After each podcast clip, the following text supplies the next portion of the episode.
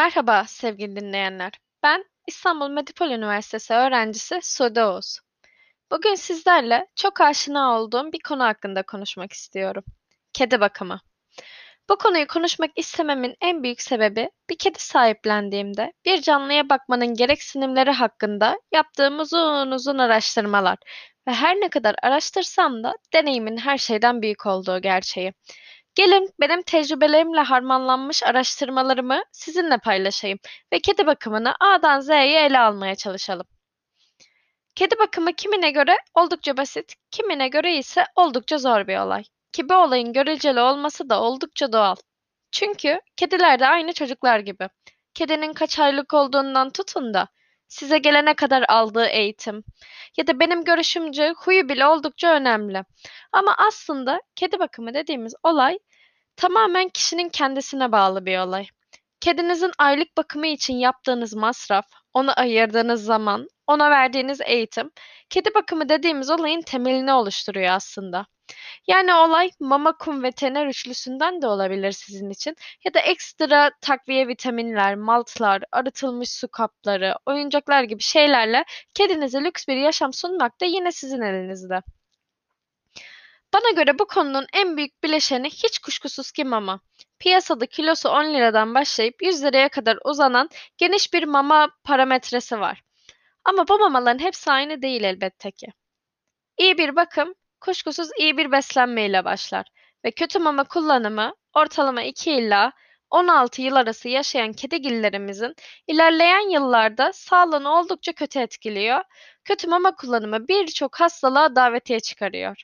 Bu her ne kadar bazı insanların hoşuna gitmese de maalesef ki gerçek bu. İyi mama demek, kediler için çok daha iyi, çok daha sağlıklı bir yaşam demek. Peki, iyi mamanın en büyük ölçütü nedir? Tabii ki de içerisinde içerdiği taze et oranıdır. Dikkatinizi çekiyorum. Protein değil, taze et oranı. Bazı markalar protein içeriği olarak ucuz tahıllar kullanırken bazıları taze et kullanır ki bu da üzülerek söylüyorum ki mamanın fiyatını arttırır. Yani iyi mama demek maalesef ki iyi para demektir. Ekonomik olarak tabii ki ben de kedime en pahalı, en lüks mamayı kullanamıyorum. Fakat yine de kedimin sağlığı için maddi imkanım el verdiğince, olabildiğince en yüksek taze et oranı içeren mamayı kullanmaya çalışıyorum. Bence diğer büyük bir bileşenimiz ise kum. Bu konu mama kadar hassas olmasa da yine de en temel ihtiyaçlarından biri olduğu su götürmez bir gerçek. Kedi kumu çeşitleri arasında en popüler olan topaklanan kedi kumlarıdır. Bu tür kedi kumları sıvayla temas ettiğinde topaklanırlar ve kişi bir elek kürek yardımıyla kedinin dışkısını isteğe bağlı olarak günlük ya da haftalık olarak temizlerler. Geleneksel kedi kumlarında ise sıvıyla temas halinde topaklanma özelliği bulunmaz. Son zamanlarda sıklıkla sıkça görülen ve silika jel adı verilen e, kedi kumu da topaklanmayan kumlardan. Bu kum kokunun ve sıvının yok edilmesini sağlayan jel şeklinde bir kum. Günde birkaç defa karıştırılarak kullanılır ve diğer kedi kumları gibi maalesef ki doğal değildir. Doğallığın yanı sıra diğer bir sıkıntı ise kedilerin kumunun ister istemez eve dağılıyor oluşu. Tuvalet eğitimi olan kediler tuvaletlerini kapatmaya çalışırken patilerinin arasına yapışan kumları ister istemez evin çeşitli köşelerine dağıtıp kirlilik yaratırlar. Ve kedi sahipleri kum seçerken ev temizliği açısından kedisinin patisine yapışmayan kumları tercih etmeye özen gösterir. Aynı şekilde kumları kum kabına koyarken ya da kedi tuvaletini kapatmaya çalışırken toz atan kumlar kedinizin solunum yolu sağlığını kötü etkileyebileceğinden kedi kumlarında pek de aradığımız bir özellik değil. Yani e, kısa bir özetle kedi kumları toz çıkartmamalı, doğal olmalı. Eğer e, kedinizin tuvaletinin evde kokmasını istemiyorsanız kokuyu hapsedebilmeli, emici olmalı, alerjik olmamalı, ortopedik olmalı, hesaplı ve kaliteli olmalı. Bu kriterlerin hepsini topladığımızda ise maalesef mama ile aynı noktada buluşuyoruz ve iyi kumun iyi bir para olduğu gerçeğini es geçemiyoruz.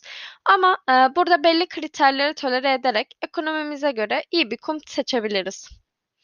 Bana göre Üçüncü ve en en en önemli bileşeni ise hiç kuşkusuz veteriner.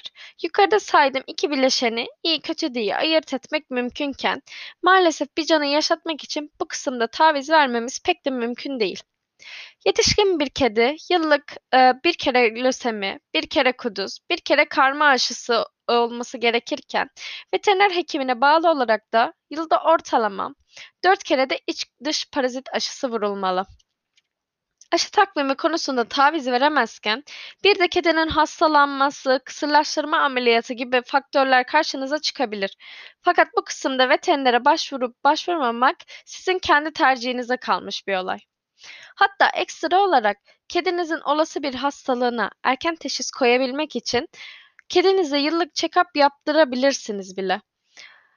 Bu check-up'ta röntgen, idrar tahlili, hemogram, EKG, ultrason gibi isteğinize bağlı birçok şey içerebilir ve kedinin sağlığı açısından her ne kadar yararlı olsa da el yakan fiyatlarla beni bile check-up düşüncesinden şimdilik uzak tutuyor.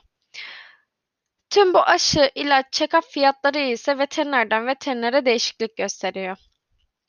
Geldik benim en çok konuşmak istediğim son bileşene. Kedinin ekstra masrafları.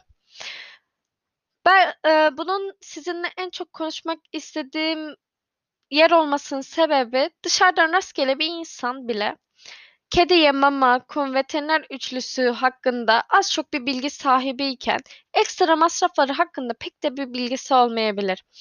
En basitiyle başlamak istiyorum ben buraya. Yaş mama. Kedilerin sağlıklı beslenebilmesi açısından kişiye bağlı olarak haftada bir veya iki defa yaş mama takviyesi alması lazım. Ve yaş mama da mama kategorisinde bulunduğu için e, doğal olarak içerisindeki taze et oranı, taurin ilavesi, şeker yağ oranı gibi birçok parametresi var. Bu yüzden e, yaş mama takviyesi de aynı mama gibi bizim e, kedimizi alırken özenle seçmemiz gereken bir kategori. E, kedilerin diğer bir ekstrası ise malt macunu. Malt macunu birçok kedi severim bilmedi ama bence ekstra kategorisinde olmaması gereken oldukça temel bir bileşen.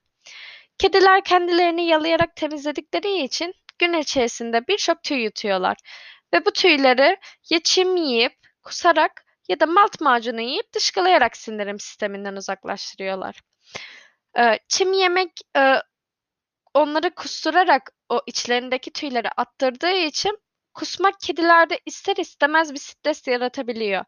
Ama malt sindirim sistemine de destekleyici olup kedinin kusarak tüy yumağını atma gibi stresli bir işlemi engellediği için e, tüm kedi severlerin kullanması gereken bir ürün olduğu görüşündeyim.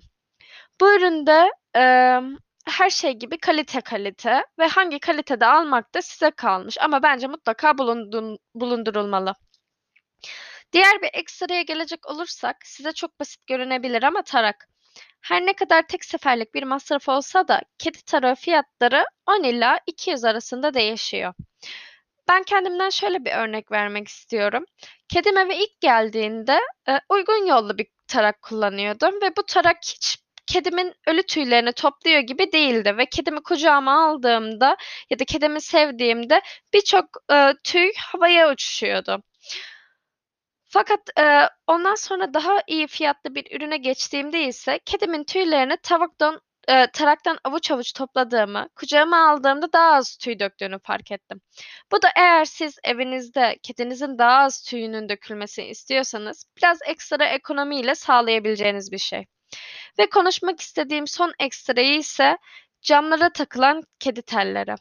Yine benim görüşümce ekstra kategorisinde kesinlikle konulmaması gereken bir ürün. Ama maalesef herkes e, çeşitli sebeplerle elinde bulundurmuyor bu ürünü.